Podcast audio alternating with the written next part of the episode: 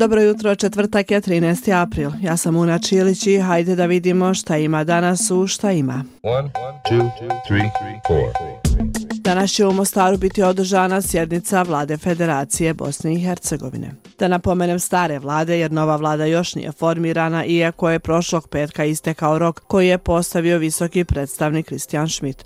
A kad će biti nije baš jasno, barem nije meni. A jučer je predsjednica Federacije BiH Lidija Bradara rekla da što se nje tiče vlada je formirana i da se čeka potvrđivanje. Ona je ovo rekla nakon sastanka sa podpredsjednicima Federacije BiH Refikom Lendom i Igorom Stojanovićem.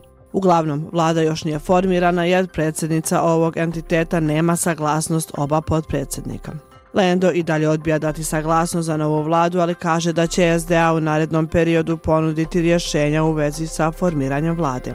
Nije precizirao o čemu se radi, ali je rekao da će biti predloženo nešto što će odgovarati svima.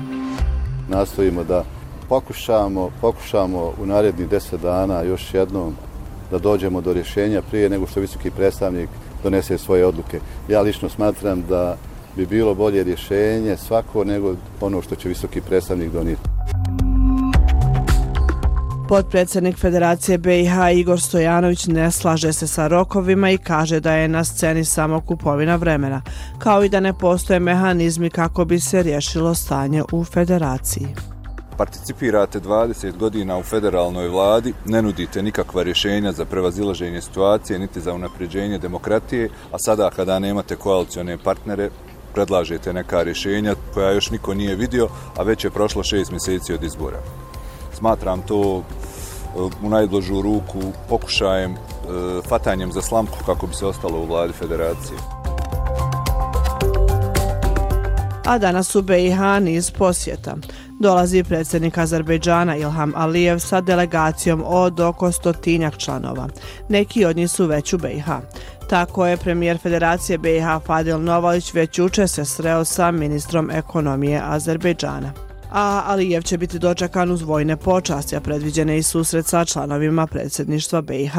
Kako kaže Fena, bit će razgovora o ekonomskoj saradnji sa posebnim naglaskom na saradnju u oblasti energetike. Dalje danas stiže i ministar vanjskih poslova Španije Jose Manuel Alvarez Bueno. Sa njim će se sastati i ministar vanjskih poslova BiH Elmedin Konaković, a bit će primljen i u predsjedništvo BiH. Sa druge strane u Španiju putuje Denis Zvizdić, predsjedavajući predstavničkog doma parlamentarne skupštine BiH. On će se tamo sastati sa zvaničnicima parlamenta kao i sa predsjednicom Kongresa Španije, ali i pod predsjednicom Senata.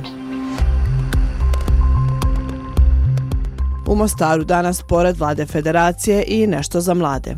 Održava se treća TEDx konferencija u organizaciji koleđa Ujedinjenog svijeta. Govornici će da podijele svoje ideje i da potaknu inspirativne diskusije. Gosti govornici su muzičari osnivač rok škole Mostar Orhan Oha Maslo i antropolog i lingvista Dejan Durić. A cilj konferencije je okupiti ideje vrijedne dijeljenja i osigurati platformu gdje mislioci i osobe koje prave promjenu inspirišu jedni druge da preispitaju način na koji razmišljaju. One, two, three, I na kraju upozorenja. Ne vjerujte kad vam neko preko telefona nudi priliku za investiciju koja vam navodno garantuje zaradu. Istraživanje na kojem je radio BBC preko godinu dana otkrilo je mrežu stotina različitih investicionih kompanija koje su prevarile ljude za više od milijardu dolara. Eto, sa ovim na umu vas ostavljam. Ja sam Una Čilić i čujemo se neki drugi put u Šta ima podcastu. Ćao!